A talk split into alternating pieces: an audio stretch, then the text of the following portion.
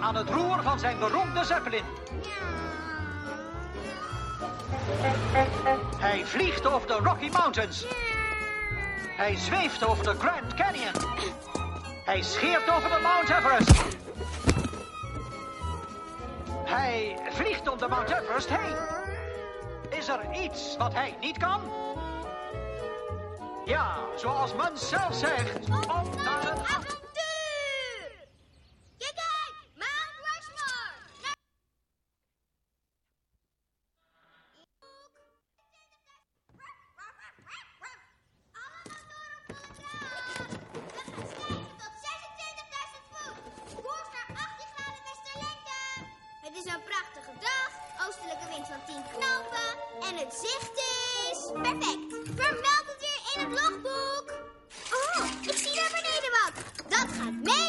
onderzoek!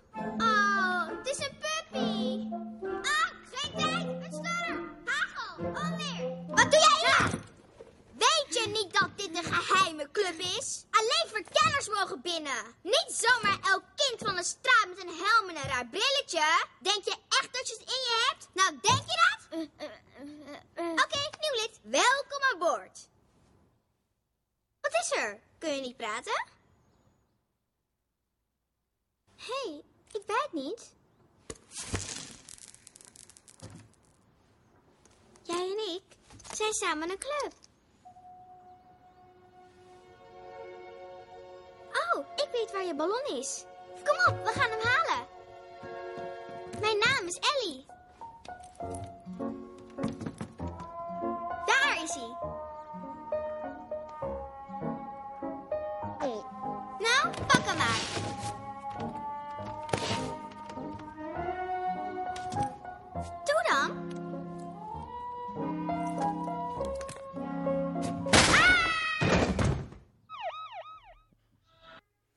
Super tof eh, filmpje over vriendschap.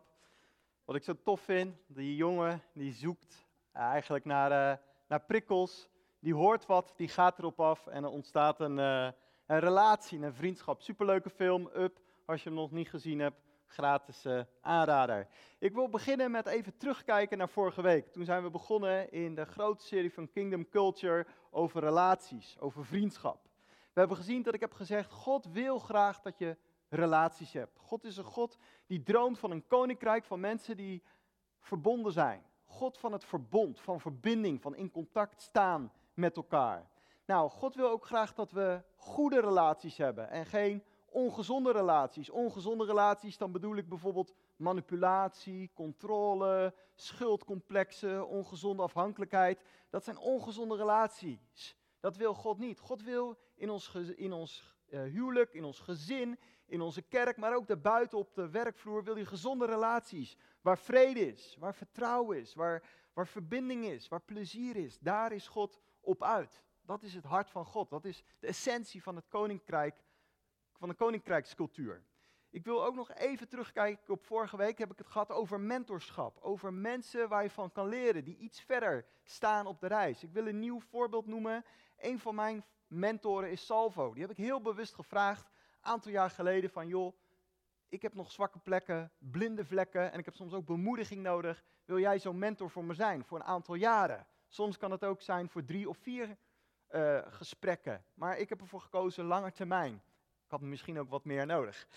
En hij, zei, ik vind het fantastisch om dingen aan te wijzen bij jou, maar onder één voorwaarde. Als je iets ziet bij mij, spreek mij er ook op aan. Nu zijn we een aantal jaar onderweg ik heb hem af en toe ook wat dingetjes mogen leren, maar in principe heb ik meer van hem geleerd, geloof ik echt, dan hij van mij. En natuurlijk is er een bepaalde mate van wederkerigheid. Om één voorbeeld te geven. Hij heeft drie dochters, ik heb er één. En zijn dochters, twee daarvan zijn al volwassen. Zijn fantastische eh, dames.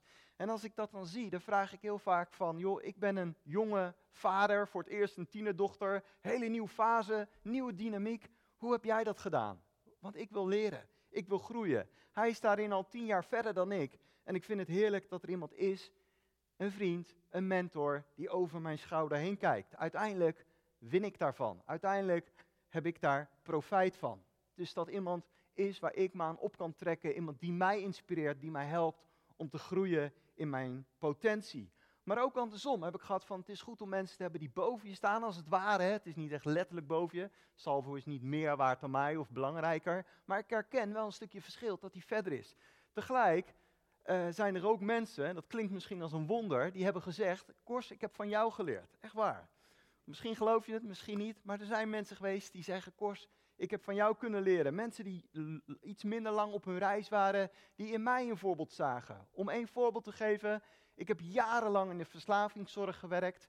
En daar heb je te maken met heel veel agressie. Een collega van mij zei altijd, een, eh, een dag geen agressie is een dag niet gewerkt. Weet je, op, uh, soms belde ik in een, toen ik nog verkering had, toen belde ik vaker de glasboer dan mijn eigen vriendin. Om even iets te laten zien. Maar er was dus, dus ik heb heel veel agressie en conflicten en dingen meegemaakt. Ehm, en op een gegeven moment ben ik stagiaires gaan begeleiden. En ik moest echt beseffen van, joh, er zit een verschil hoe een conflict voor haar voelt, of voor hem, dan voor mij. Want ik ben langer op reis, bewust stilstaan bij het, bij het verschil. Als zo'n gozer van twee meter voor mij staat en zegt, ik maak jou helemaal af, dan denk ik, oh ja, dat, dat, ja, dat heb ik al duizend keer gehoord, zal wel meevallen. Maar ik moet besef zijn, als je net in je eerste week stage loopt, dat je daarvan schrikt. En dat verschil, daar bewust van zijn, kan mij helpen om die ander beter te coachen, te helpen en te dienen. Van ja, het is heel logisch dat je daarvan schrikt. Dat je even denkt van oeh, wat is dit? Dat mag. Dus die verschillen. En als we het hebben over die relaties, dus mensen boven je, als het ware, mensen onder je, op reis. Het is niet beter of fout, maar het is wel anders. Er zit verschil in. De essentie is dat het ook heel belangrijk is, waar je ook bent in je leven, jong of oud, dat je relatie hebt met God. En ik wil deze volgende tekst daaruit uh, uh, pakken. Zegt Jezus aan het begin van zijn reis met zijn discipelen het volgende. En, of over Jezus wordt het volgende gezegd. En hij stelde er twaalf aan, twaalf discipelen, opdat zij met hem zouden zijn. Marcus 3, vers 14. Nou, Jezus riep zijn discipelen om fantastische dingen te doen. Wonderen, onderwijs. Maar in de essentie zei hij, jongens, ik roep jullie om bij mij te zijn. Om intiem te zijn met mij. Om contact te hebben met mij. Dat was zijn verlangen, dat de discipelen heel dicht bij hem zouden leven. En ik hoop in dit gekke jaar, dit bizarre coronajaar, als we allemaal terugkijken, dat één ding hoop ik. Dat je dit jaar, ondanks alles, gegroeid bent in je relatie met Jezus. Dat je als het ware dieper geworteld bent in Hem. Want ik geloof dat dat het hart van God is. Dat Hij je bron van vreugde is. Dat Hij de belangrijkste, de mooiste relatie is. En ik heb gemerkt, als Hij je belangrijkste relatie is, geeft zoveel vrede, geeft zoveel ontspanning, geeft zoveel plezier. Want als je die relatie niet hebt, dan kun je nog heel veel verwachten van andere relaties. Misschien van je ouders, van familie, van vrienden. En dan kun je af en toe teleurgesteld raken. Maar als God je hoofdrelatie is, Hij je bron, dan ga je veel ontspannender in andere relaties staan. Waarom? Omdat je het van Hem verwacht. Omdat je het van Hem krijgt. Daarmee zeg ik niet van joh, je moet alleen een relatie hebben met God en de rest is niet belangrijk. De rest is ook belangrijk, maar je identiteit, je waarde haal je uit je relatie met God, zodat je niet meer zo enorm afhankelijk wordt van de relatie van andere mensen. Die dragen bij aan je identiteit, dat helpt mee, dat bevestigt soms en onderstreept het. Maar de kern is niet zozeer van, oh, ik heb relaties nodig om iemand te zijn. Of ik moet per se met die en die belangrijke persoon contact zijn, want dan ben ik iemand. Nee, je relatie met God is in zekere zin genoeg en voorzienend. En daarbij, als fantastisch extra, heb je relaties, ik hoop, in de Connectkerk, maar ook buiten de Connectkerk. En ik hoop dat je relaties hebt hier in de Connectkerk met je broeders, met je zusters, maar ook dat je relaties hebt met ongelovigen. Dat je in verbinding staat met randkerkelijke. Dat je in verbinding staat met zoekenden. Want ik geloof echt met mijn hele hart, als we als Connectkerk een gezond huis zijn met elkaar, een huis van vriendschap, van verbinding, dat we zo gezond en sterk zijn, dat we juist ook zeggen van, naar anderen van, kom bij ons, kom bij God. Het hoeft niet pers bij ons in de kerk, maar in het koninkrijk, om van God te leren en van Hem te genieten. Ik wil ook kijken naar die middelste relatie, die gelijkwaardige relatie. Die hadden jullie nog te goed van mij. En dat zijn eigenlijk mensen die in dezelfde leeftijdsfase van jou zitten. Misschien een beetje dezelfde waarden, normen, zelfde karakter, zelfde Ehm, ja, levenspatroon. eigenlijk in je relatie een stuk gelijkwaardigheid ongeveer. Want je hebt seizoenen natuurlijk en wederkerigheid. Je snapt wat ik bedoel. Een relatie waar je van zegt, ja, dat is een beetje sam-sam, 50-50. En natuurlijk heb je in die gelijkwaardige relaties dat de een in een bepaald element verder is dan jij en ook andersom. Maar het is een vriendschap en ik geloof dat het goed is als je dat hebt. Ik geloof dat het Gods hart is, dat God het je gunt.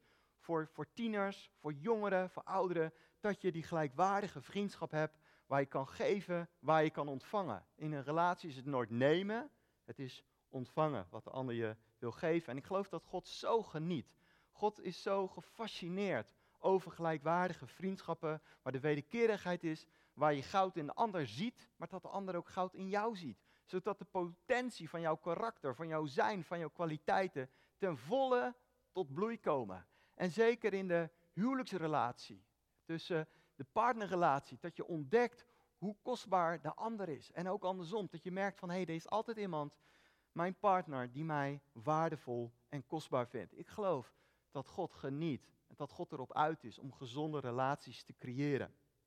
Eén psalm, er zijn er verschillende die het heel mooi laat zien, is psalm 133. En ik, uh, lees deze even gewoon. Ik ben even stil. Lees deze even voor jezelf.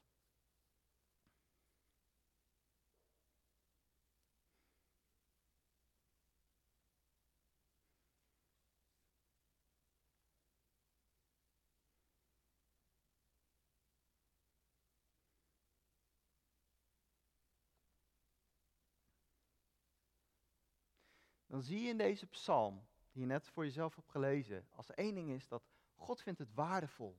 God vindt het kostbaar als jij met vrede omgaat met je broeders, met je zusters. Dat gaat natuurlijk over al die fases, maar ook zeker bij die gelijkwaardige relatie.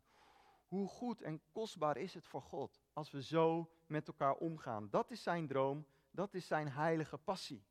Zei Jezus het niet in andere woorden van uh, aan jullie liefde onderling? Aan die verbondenheid, aan die connectie onderling. Daar zal de wereld zien van, dit is bijzonder. Onvoorwaardelijke liefde tussen de generaties, in de gelijkwaardige relaties, gemixt, maar ook zo. Daarin zal de wereld zien dat jullie anders zijn. Aan jullie liefde onderling zullen jullie herkennen dat jullie leven vanuit een andere cultuur, vanuit een andere mindset. Zo mooi. Ik wil nog zes sleutels noemen van hoe bouw je aan gezonde relaties. En eigenlijk is dit in de voorbereiding een marteling geweest, want ik wou er wel honderd noemen. Ik kan er maar zes noemen. super jammer, die andere 94, ja, jammer. Dus als je zegt van ja, maar je mist eerlijkheid, je mist dit, je mist dat. Helemaal gelijk, die horen bij die andere 94. Ik ga er um, zes noemen. Ik heb niet zoiets, dit zijn de zes allerbelangrijkste, maar al biddend had ik zoiets van het is goed dat ik deze uh, aantal benoem. Ik heb een woord, misschien komt hij ook in beeld. Dat is om het te onthouden als kapstok. Dat is niet iPhone, maar iVolvo. iVolvo. Ja. Ik begin met de eerste, wat ik denk van die super belangrijk in relaties. De I van initiatief nemen. In een relatie is het soms van, ja, wie neemt initiatief, hè? Dat ik ook wel zit te wachten van, hé, hey, waarom belt die niet? En waarom moet ik het altijd zijn? En waarom moet het altijd van mijn kant komen? Maar in een relatie is initiatief nemen naar je kinderen, naar je partner, naar vrienden, essentieel. Als ik kijk naar Jezus, nam hij altijd initiatief om in contact te treden, om in verbinding te staan met andere personen. En eigenlijk is initiatief een fantastische liefdestaal, want je zegt eigenlijk, ik geef je aandacht. Ik wil verbinding, ik wil in contact komen met jou. Ja? Net zoals Jezus dat deed. Voortdurend moet je dan soms een drempel over, hè? Want het kan soms teleurstelling zijn dat ik, uh, dat ik bel of app van, hey, vind je het leuk om met mij af te spreken of te hardlopen? Nee, geen druk, geen, te druk, geen zin, dit en dat. Kan soms lastig voelen, dus er is altijd een drempel over. Maar het is zo het koninkrijk. Het is zo naaste liefde. Als we over die drempel van onze angst, onze onzekerheid of angst voor wat dan ook komen om initiatief te nemen. En misschien ben je er al super goed in, in initiatief nemen. Fantastisch. Leer het uh, anderen. Maar dat is zo belangrijk in relaties. Als je nooit initiatief neemt, dan zul je waarschijnlijk heel eenzaam zijn. Initiatief nemen is een fantastisch gereedschap om relaties te ontwikkelen. Dus dat is de eerste. En kijk naar jezelf van, hé, hey, neem ik initiatief? Ben ik een initiatiefrijk persoon? Of wat houdt me tegen? Heb je sommige belemmeringen dat je merkt, ik vind dat lastig. We hebben goede eh, eh, mensen in de gemeente die eh, Wim en Gabrielle en anderen die je willen helpen. Als een soort mentor om drie, vier gesprekken met je aan te knopen. Als een persoon die je verder is, die kan helpen van joh, hoe doe je dat nou? Initiatief nemen. Hoe kom ik over die drempel? Hoe kom ik in verbinding? Belangrijk om te leren. Initiatief nemen. Tweede is verdieping. In een relatie heb je altijd, ja, gek woord misschien, een bepaald level, bepaald niveau. Maar hoe kan je vanuit het koninkrijk nou verdieping aanbrengen? Ik geloof dat we echt verdieping in relaties mogen aanbrengen. Twee mooie voorbeelden die ik zelf een keer heb meegemaakt. Een jaar geleden heb ik een eh, boek geschreven, is uitgebracht. En een vriend van mij belde op en zei: Kors, ik vind het zo fantastisch dat het, je, dat het jou gelukt is. Wonderbaarlijk om een boek te schrijven. Ik wil dat vieren met jou. Laten we afspreken in Utrecht. Ik trakteer, we gaan naar een leuk restaurant en dan gaan we gewoon vieren het wonder dat je boek is uitgekomen. Ik betaal, we gaan een fantastisch luxe restaurant en we gaan vieren jouw overwinning. Nou, dat was een daad van echt van, oh, wat mooi. Ik werd echt geëerd, positieve aandacht en dat gaf een verdieping in de vriendschap. Dat gaf een verdieping. Maar ook kan het andersom. Ehm, een voorbeeld, een paar jaar geleden had ik ergens gesolliciteerd. Ik was aangenomen. Ik was super blij. Ik had er heel veel zin in.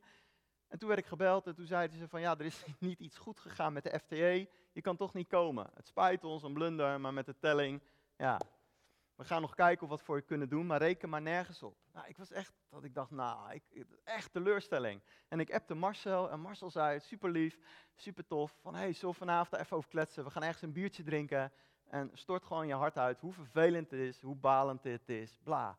En dat was, hij had ook gewoon niks kunnen doen, had ook niet kunnen bellen. Maar belde, we maakten een afspraak en we hebben heerlijk gekletst, biertje gedronken, hij heeft betaald. En elke keer als ik nog langs dat cafeetje rijd, denk ik, oh ja, dat was tof, wat Marcel toen deed. Uiteindelijk is het goed gekomen met die baan, maar die daad van Marcel, had het net, hij had het niet hoeven doen.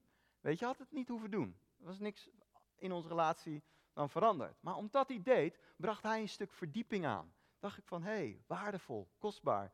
Hoe kun jij, misschien naar je ouders, heb ik ook wel eens gedaan, heb ik een brief geschreven naar mijn ouders om hen te eren, te bedanken en te zeggen dat ik van hun hou. Maar zo zijn er andere manieren. Hoe kun jij verdieping aanbrengen in bepaalde relaties? Er zijn zoveel kansen, het hoeft niet altijd, het kan ook soms ook niet altijd. Maar hoe kun jij iets doen als verdieping? Dan gaan we naar de, de O. Dat is van openheid. Ik geloof juist in het koninkrijk van God, burgers van zijn koninkrijk, van de hemelse atmosfeer, mogen we openheid brengen. Is niet altijd makkelijk. Heb je ook lef en moed voor nodig. Een paar jaar terug alweer was een vriend van mij was verhuisd, had mij een paar keer geappt en, en uh, we hadden, had ik niet op gereageerd. We hadden een afspraak, die had ik afgezegd, niet zo goed. En op een gegeven moment sprak ik hem weer en hij confronteerde mij eigenlijk. Hij legde de kaarten heel open op tafel. Hij zegt, Kors, we kennen elkaar al jaren, maar de laatste tijd reageer je niet zoveel en ik wil gewoon even iets checken. Jij bent voor mij een hele belangrijke vriend. Het is waardevol, ons contact. Ik wil dat niet verloren laten gaan, maar de laatste tijd lijkt het een beetje van één kant te komen. En dat wil ik niet. Maar ik wil ook niet een vriendschap opdringen aan jou. Dus zeg maar gewoon eerlijk, wees maar gewoon open. Hoe zit het? Want ja, doet, ik vind het niet zo leuk zoals het gaat. Ik werd echt geconfronteerd. Van, oei, ik zei tegen hem van ja, jij bent ook super belangrijk voor mij. Uh, ik wil dat deze vriendschap absoluut doorgaat, dat het niet stopt. Het spijt me, vergeef me, excuus. Dank je wel dat je eerlijk bent. Dank je wel dat je me confronteert. En uh, ik ga mijn best doen. En we zijn nog steeds hartstikke goede vrienden. Super belangrijk, die openheid, om transparant te zijn. Een ander voorbeeld, is een van mijn meest kostbare herinneringen aan vriendschap. Ik heb een vriendengroepje vanuit de SPH nog. We kennen elkaar 20 jaar, heel veel met elkaar meegemaakt. En we hadden een tijd dat we één keer in de maand met elkaar afspraken. Gingen we bijbelstudie doen, gingen we bidden en, en van, fantastisch. Zaterdag. En we hadden weer afgesproken op een zaterdag. Maar een van mijn vrienden die zei, jongens, voordat we gaan bidden en bijbelstudie gaan doen, wil ik gewoon eerlijk zijn. Deze week, in mijn huwelijk, er is iets gebeurd wat echt niet door de beugel kan. Er was iets, kan niet door de beugel en ik kan wel vroom bijbelstudie gaan doen. En kan wel mooi bidden voor Nederland, maar dit is wat er speelt. En uh, wij reageerden in eerste instantie heel liefdevol. Van, hey, supergoed dat je dit deelt. En wat is er gebeurd? En we luisterden. En we huilden mee. En we waren betrokken. En we waren warm. En hij was open. Hij was pijnlijk eerlijk open over wat er afspeelde. Maar op een gegeven moment was er een fase in het gesprek, na een paar uur, dat we niet meer liefjes waren, maar wel liefdevol. En dan bedoel ik confrontatie. En een paar van mijn vrienden, die waren zo scherp. Die duwden zo op de zere plekken. Die confronteerden zo. ehm, en op zijn eigen verantwoordelijkheid dat ik zoiets had van, help, ik wil hier weg, ik wil hier niet meer bij horen. Heb je dat wel eens, dat je in een situatie misschien op je werk zit, dat je denkt, oeh, nu stijgt de spanning, dit kan wel eens gaan klappen. Dit, is dit niet te scherp? Is dit niet te, te confronterend? Maar vooral één vriend, die ging er echt, echt niet liefjes, maar wel liefdevol op, op, op in, op, de, op wat er, wat, wat, hoe het anders moest. En nu zijn we een aantal jaren verder. En die vriend kon die confrontatie kon die incasseren. Had, ik had begrip kunnen opbrengen als hij had weggelopen.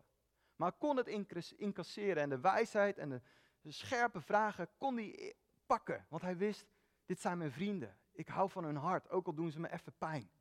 En uiteindelijk, een aantal jaren later, toen zei die jongens, eh, ik wil jullie gewoon bedanken. Op dat moment hebben jullie eigenlijk mijn huwelijk gered. En dank jullie wel dat jullie niet liefjes waren, maar liefdevol. En eh, ja, dank, dank jullie wel ervoor. En wij zeiden, dank je wel dat je open, open was. Als je niet open was geweest, hadden we niks kunnen doen. Dus ik geloof dat openheid super belangrijk is in het koninkrijk van God. Dan de, de L, dat is de leiding van de Heilige Geest. Ik geloof dat de Heilige Geest zo gepassioneerd is dat relaties goed gaan. Dat de Heilige Geest je wil leiden, echt wil leiden, om eh, de eh, relaties goed en gezond te houden. Geloof ik echt. Om één voorbeeld te geven, jaren geleden, toen, woonde ik nog, eh, toen was ik net eh, in Ede komen wonen. En een paar vrienden van mij woonden nog in Den Haag. En een van mijn kennissen, vrienden, was vrij plotseling overleden. Het was echt een enorme shock voor mij. En ik, ik woonde in Wageningen, maar een deel in mijn leven speelde zich nog af in, eh, in Den Haag. Dus ik was naar die begrafenis geweest. super verdrietig, echt heel verdrietig. En ik ging terug, maar ik had mijn laatste bus gemist van Ede-Wageningen naar Wageningen. En ik zat vol emotie. En eh, een andere vriend, twee vrienden die in Wageningen woonden, die hadden gezegd van joh, als je thuis komt, dan zijn we er nog even voor je en dan praten we. Maar het was al heel laat geworden, drie uur later dan ik had verwacht. Laatste bus gemist. En toen zei ik, jongens, het hoeft niet meer, want ik moet naar huis lopen. Ik heb een zware rugtas met alle was van die mijn moeder had gewassen. En eh, ga maar gewoon lekker naar bed, we zien elkaar morgen wel. Komt wel goed. Ik zeg, ik eh, loop terug in de miseregen van Ede-Wageningen naar, eh, naar een sterflet in Wageningen. En halverwege, midden in de nacht, zag ik twee van die vrienden komen lopen. En die zeiden, hey Kors, je denkt toch niet dat we je zomaar naar bed laten gaan zonder dat we je gesproken hebben? Kom op man. Ik zeg, eh, wow, weer een verdieping. Hij zegt, ja, we voelden echt iets van de Heilige Geest van, hey, we moeten er voor je zijn. Weet je, niet zo'n enorme superstem van de Heilige Geest met elektriciteit en engelen, maar gewoon een prikkel van de Heilige Geest. hey, dit moet je doen. Elke keer als ik daar nog eh, fiets of loop, denk ik, oh ja, dat moment, dat is vriendschap, dat is fantastisch, zo wil ik het zijn. En wetend dat de Heilige Geest daarachter zit. De Heilige Geest zit erachter. Ene laatste, vergeving. Als je het hebt over relaties in het koninkrijk, dan gaat het heel vaak over liefde, over dienen, maar ook over vergeving. Vergeving is zo het koninkrijk, zo het koninkrijk van God. Ik had jaren geleden met een andere vriend afgesproken van, joh, als je dingen ziet in mijn leven, mag je hem confronteren. En hij had gezegd tegen mij, dan mag je ook confronteren. Maar toen was er iets in zijn leven waarmee ik hem confronteerde. En ik had dat achteraf echt veel liefdevoller kunnen doen en ook absoluut wijzer. Maar er begon een soort knik in de kabel. Het was niet echt ruzie, maar je merkte, misschien ken je dat wel, misschien niet, een stukje afstand. En eh ja, reageerde ook niet zo super lekker en zo super mooi op mij. En er was een knik op de kabel, in de, in de kabel gekomen. En eh, toen kwam ik hem een tijd later, een half jaar later, tegen op een conferentie. En ik wist van ja, hij heeft mij eigenlijk een beetje weggeduwd. Hij heeft mij eigenlijk een beetje geparkeerd. Hij heeft een beetje afstand van mij genomen. Volgens mij ligt het wel een beetje aan jou, eh, beste vriend. En we kwamen elkaar tegen op die conferentie. Nou, een mooie tijd van aanbidding, bla bla, mooi preek. En was pauze. En ik zat ergens te leunen op een tafeltennistafeltje. En hij kwam eraan. En dan zei ik, Kors, eh, ja, eh, ik moet echt iets zeggen. Ik zeg, joh, ik vergeef je lang. Ik vergeef je lang. Die, dat hij al zei van, ik wil wat zeggen, wist ik al. Hij zegt, nee, nee. En we gingen op die tafeltennistafel zitten. Ik wil het echt zeggen, tegen jou en tegen God. Wat ik heb gedaan, was niet goed. En ik wil sorry zeggen. En ik wil zo graag dat je me vergeeft. Ik zeg, man, ik heb je lang vergeven. Man, we zijn zo imperfect met z'n allen bij elkaar. Ik vergeef je. En op dat moment, ik weet niet of de Heilige Geest was of een engel die hem duwde, ik weet het niet. Maar toen, die, toen we dat hadden uitgesproken, de kracht van God kwam op hem. En hij, dat was best wel grappig eigenlijk, hij gleed zo van die tafeltennistafel af. Gewoon onder de kracht van God. Omdat hij gewoon vergeving had gevraagd. En uh, het was een fantastisch moment waar we af en toe nog wel om lachen. En een sorry-cultuur, een vergevingscultuur is zo het koninkrijk. Dan de laatste, de O. Dat staat voor ontvangen. Het is zo belangrijk dat je in vriendschap ook kan ontvangen. Je liefde, steun, aandacht, pittige vragen, positieve woorden kun je ontvangen in vriendschappen. Sommige mensen die vinden het heel lastig om te ontvangen. Super jammer, want dan ben je eigenlijk heel alleen. Kun je ontvangen, kun je genieten van relaties. Kun je genieten van vriendschappen. Niet dat je helemaal leegzuigt, maar dat je ervan geniet. Nou, uh, Salvo is daar heel goed in.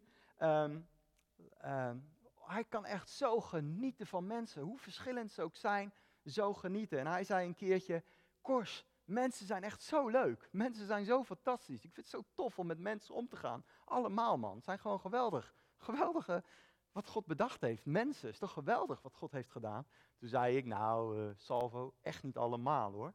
En toen keek hij me zo aan, zegt hij, ach man, het hangt een beetje af hoe je zelf kijkt. Maar eigenlijk in principe zijn alle mensen superleuk. Hij geniet van relaties. Hij geniet van mensen. Hij ja, ontvangt daar energie van. En dat is zo mooi. En ik geloof dat is het koninkrijk. En ik geloof, Jezus werd voor ons verraden. En hij werd voor ons verlaten door zijn vrienden. Waarom? Zodat hij aan ons in ons leven vriendschap en verbondenheid met hem, maar ook met anderen uh, kan geven. Amen.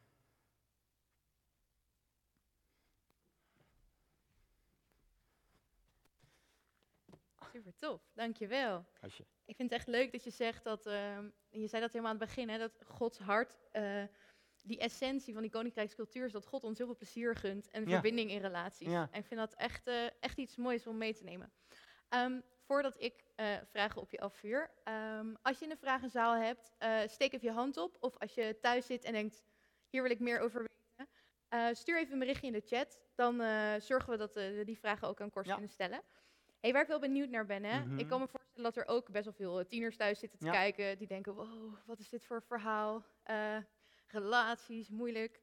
Ehm, als ik kijk hè, naar, Mhm. naar je iVolvo eh, Mhm. en met je eerste puntje initiatief. Heb Ja. je misschien bijvoorbeeld een tip voor, voor mensen die wat jonger zijn? Hoe je nou initiatief kunt nemen in vriendschappen of hoe, je, hoe dat eruit kan zien? Ja, mooie vraag.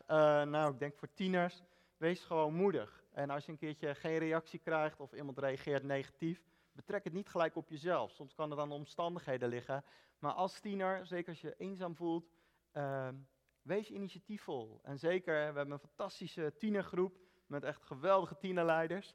Van, ehm, neem initiatief naar andere tieners uit je kerk, uit je Connect kerk. En jij vindt het waarschijnlijk als tiener heel leuk als iemand zegt van, hey, zullen we daar en daarheen gaan of zo eens even bellen. Nou, wees jij dan de eerste die dat, eh, die dat aanbiedt. Ah, nice. Ja, Ja, dat is denk ik een goeie. Wat, wat ik inderdaad ook wel eruit haal, is, oh ja, je hebt soms echt moed nodig Ja, voor vriendschap en voor absoluut. relaties. Ja. ja. Eh, is er iemand in de zaal die misschien eh, een vraag heeft voor Kors? Ik zie nog geen handen of er zit een hand achter een scherm waar ik het niet kan zien. Ehm, nou ja, dan he- heb ik zeker nog wel een vraag aan jou. mooi. ja. Ehm, je zei ook iets over, eh, eigenlijk hè, is die basis voor relaties Hm. hier, eh, het ligt in de basis van je vriendschap met God. ja. Ehm, kun je eens omschrijven hoe dat zich afspiegelt in de relaties die jij hier, eh, Oh, hier hebt? Ja. Ja, ik merk als, als ik bijvoorbeeld vrede heb in mijn relatie met God en dus losgekomen ben, eigenlijk eh, een beetje aansluitend op het mooie verhaal van, ehm, van Arwin en eh, en je wandelt in vrede en niet in veroordeling of schuld of, of, of dat soort dingen, dan zal die vrede zich ook reflecteren naar, naar buiten. Omdat het, ja, je ontvangt dat en je, eh, ja, je ademt dat uit. Wat je inademt, adem je uit, zeg maar. Dus bijvoorbeeld vrede, maar dat kan ook met, met, met dankbaarheid. Als ik een dankbare relatie heb met God, van ik ben dankbaar voor wie die is en wat hij doet, dan zal dankbaarheid ook eh, verspreiden in mijn relaties, in mijn connecties. Dus zo. Dat is echt een mooie één op één vertaling eigenlijk. En super praktisch. En je had het ook over, eh, over eh, het huwelijk. Hè? En dat dat Mhm. vooral in essentie, zei jij, is het, het gaat over zien hoe kostbaar de ander is. ja, en zeker. goud vinden in elkaar. Ehm, is dat iets wat, wat, wat altijd lukt? Hoe, hoe geef je dat vorm? Ik ben daar wel benieuwd Nou, naar. nu wil ik heel graag liegen natuurlijk. ik zeg ja, dat lukt mij altijd. Maar eh Vera kijkt ook, voordat ze de chat op gaat. Nee, helaas, dat lukt mij niet altijd. Ik denk dat het ook een, eh, soms een bewuste keuze is. Van ik wil goud zien in de ander. Van, ehm, en, en een van de grootste gevaren in het huwelijk, denk ik, is vanzelfsprekendheid. Dat je vanzelfsprekend vindt wat de ander voor je doet, wie die ander is. Dat hij naar je luistert of je helpt met bepaalde dingen. En om af en toe die keus te maken, heel moment te vieren van eh, ik ben dankbaar voor eh, wat je doet en ik zie het goud. En zelfs als, als je partner eh, soms negatief reageert of niet reageert zoals je wil, dat je weet, maar die persoon is niet voor niks met mij getrouwd. Er is een gouden relatie.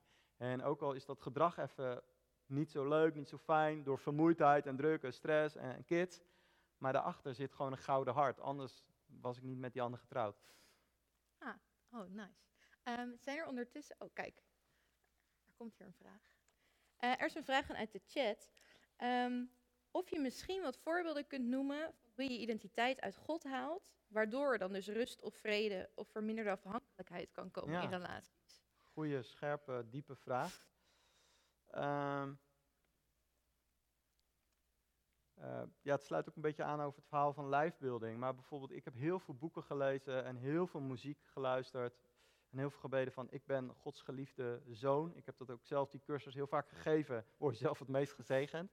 Zodat als collega's mij niet leuk vinden, of eh, een buurman zegt maar eh, weinig gedag, of iemand in de kerk die heeft moeite met mij. Ja, dat kan, dat mag, heb ik zelf ook wel eens.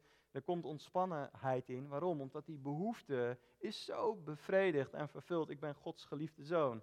Ik zeg wel eens van ja, als je zwemt in een oceaan en iemand doet een bekertje cola erin. Ja, ik zwem dan niet ineens in de cola. Nee, ik blijf gewoon in die oceaan zwemmen. Dus ik zwem gewoon in mijn leven in de liefde van de Vader. Ja, en ik heb het niet eens soms in de gaten als mensen hier en daar wat cola erin pleuren. Want ik zwem gewoon lekker in het hart van God.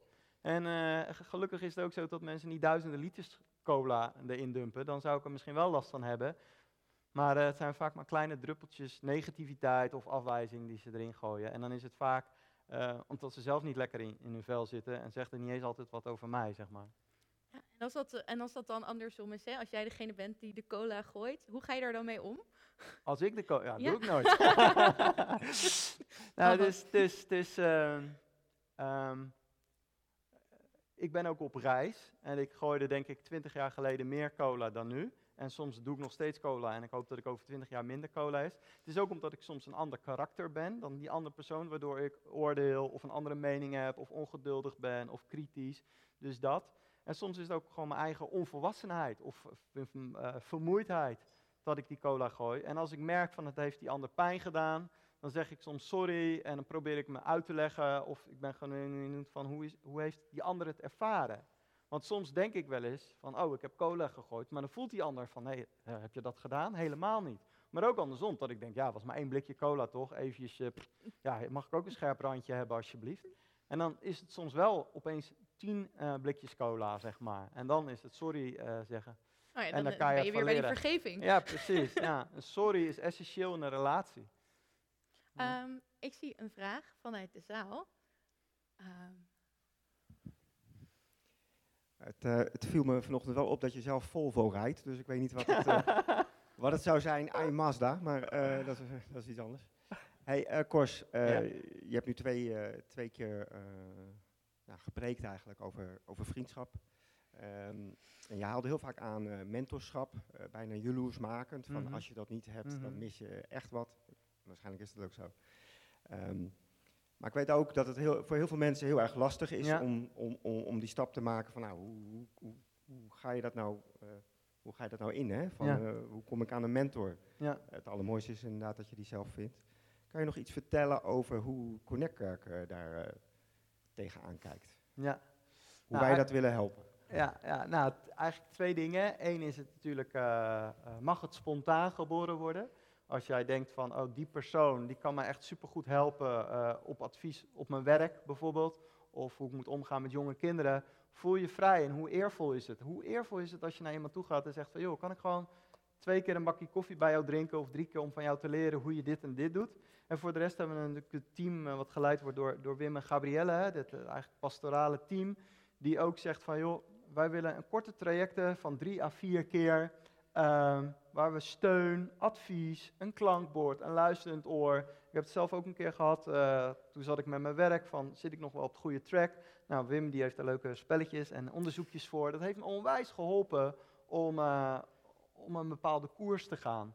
En we zitten ook wel als Connect Kerk van, hey, behalve het, het, team van, van Wim en Gabrielle, zijn er misschien mensen die zeggen van, ik wil graag een mentor zijn. Ik ben lang op weg, ik heb wat wijsheid en expertise, het lukt me niet om een connectgroep te leiden, maar af en toe dan zou ik zeggen van, uh, bied je aan, dan gaan we kijken of dat zou passen, of je ook een mentor kan zijn. Heb je zoiets van, ik ben nieuw in de Connect Kerk, ik ken nog niet veel mensen uh, en ik weet niet wie ik kan benaderen. Nou, benader uh, het team van, van Wim en Gabrielle en dan kunnen we kijken of zij of anderen kunnen helpen. Communiceer je vraag in welk gebied, zodat we iemand met zijn, haar expertise eraan kunnen uh, koppelen, zeg maar. Ja, dat is echt een super mooie samenvatting van mm. hoe we daar naar kijken. Ik heb nog één laatste vraag. Um, ik kan me zo voorstellen, we hebben het nu twee weken over relaties en dat mm -hmm. doen we heel erg samen. En dat doen we ook samen als kerk, ja. wat je net uitlegt. Mm -hmm. um, maar ik kan me ook zo voorstellen dat er misschien mensen zijn die, uh, die hier naar kijken en die denken, ja, maar ik voel me super eenzaam, ja. juist in deze tijd van corona. Uh, hoe pak ja. ik dat nou aan? Hoe, hoe zijn er handvatten voor hoe ik uh, toch kan bouwen aan relaties, hoe ik toch initiatief kan nemen? Um, ja. wat, wat, wat kun je hen nog meegeven daarin? Ja, dat is een mooie vraag. Um, nou, ik denk twee dingen. Van één, als je eenzaam voelt, is het natuurlijk super vervelend, super rot. Maar wat kan je zelf doen? Is er een actie met initiatief, met openheid? Van joh, misschien is het gewoon heel eerlijk zeggen van joh, ik zit al één, twee, drie jaar in Connect Kerk. Connect is verbinding, maar ik merk dat weinig.